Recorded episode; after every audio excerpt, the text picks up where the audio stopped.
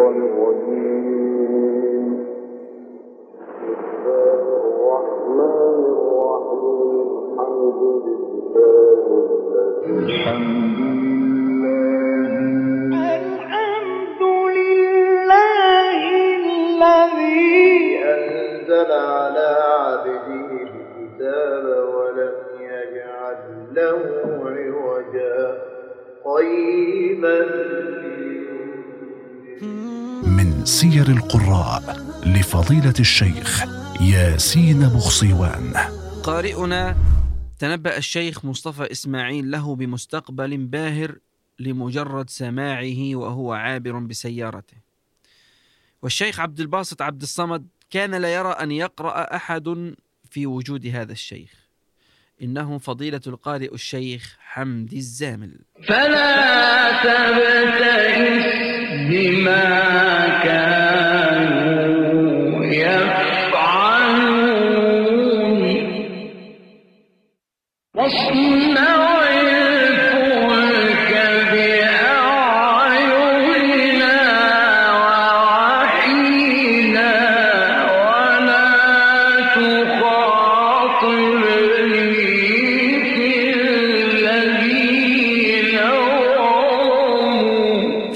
الثاني والعشرين من شهر ديسمبر من عام 1929 من الميلاد كانت قرية منية محل الدمنة مركز المنصورة بالدقهلية على موعد مع مولود سيكون حديث مصر كلها.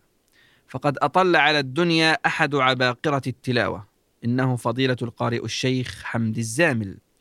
وعلى يد خاله الشيخ مصطفى إبراهيم حفظ الطفل القرآن الكريم قبل أن يتم العاشرة. كان والده الشيخ محمود وعمه الشيخ حامد من أهل القرآن.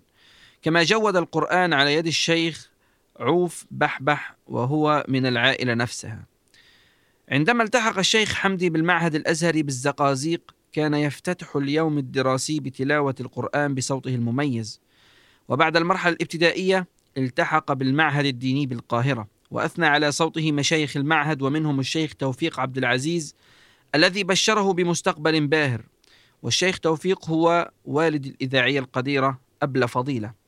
لكن المفاجأة أن ولع الشيخ حمدي بقراءة القرآن وحبه الشديد لكبار القراء جعله يتفرغ للقراءة ويترك المعهد الأزهري قبل إتمام المرحلة الثانوية قبل أن ينفض عقد الخمسينيات بشهور.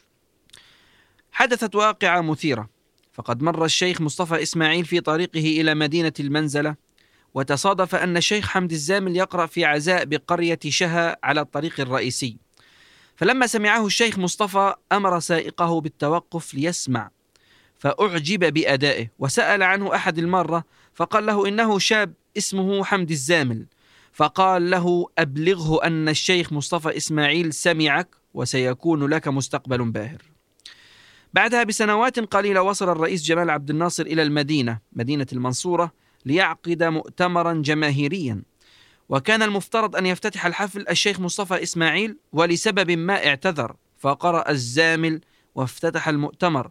فأعجب بصوته الزعيم عبد الناصر فانطلقت شهرته منذ ذلك الوقت.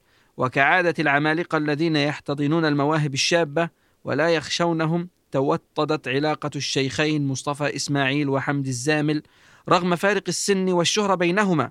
وكان الشيخ مصطفى إسماعيل يقول المستقبل للمجيدين أمثال حمد الزامل.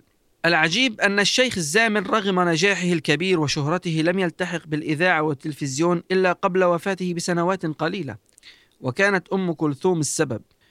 ففي عام 1974 ذهب الشيخ الزامل بصحبة عمدة قرية طمى الزهايرة بلدة أم كلثوم لزيارتها في منزلها فطلبت من الزامل أن يقرأ ما تيسر له من القرآن فقرأ ليضج المنزل بالتصفيق فأهدته أم كلثوم سلسلة من الذهب تشجيعا له. وقالت لابد أن تدخل الإذاعة والتلفزيون ليستمع إليك كل الجماهير. بعد وفاة أم كلثوم وفي ذكرى أربعينها قدم الشيخ مصطفى إسماعيل والشيخ حمد الزامل للقراءة بحضور الموسيقار محمد عبد الوهاب. فأعجب بتلاوته وقال له أنت خامة ممتازة ولا بد أن تدخل الإذاعة. وفي عام 1976 تقدم الشيخ الزامل لاختبارات الإذاعة ونجح بامتياز من المرة الأولى واعتمد في العام نفسه. وقالوا له أنت تنتمي إلى المدارس القديمة.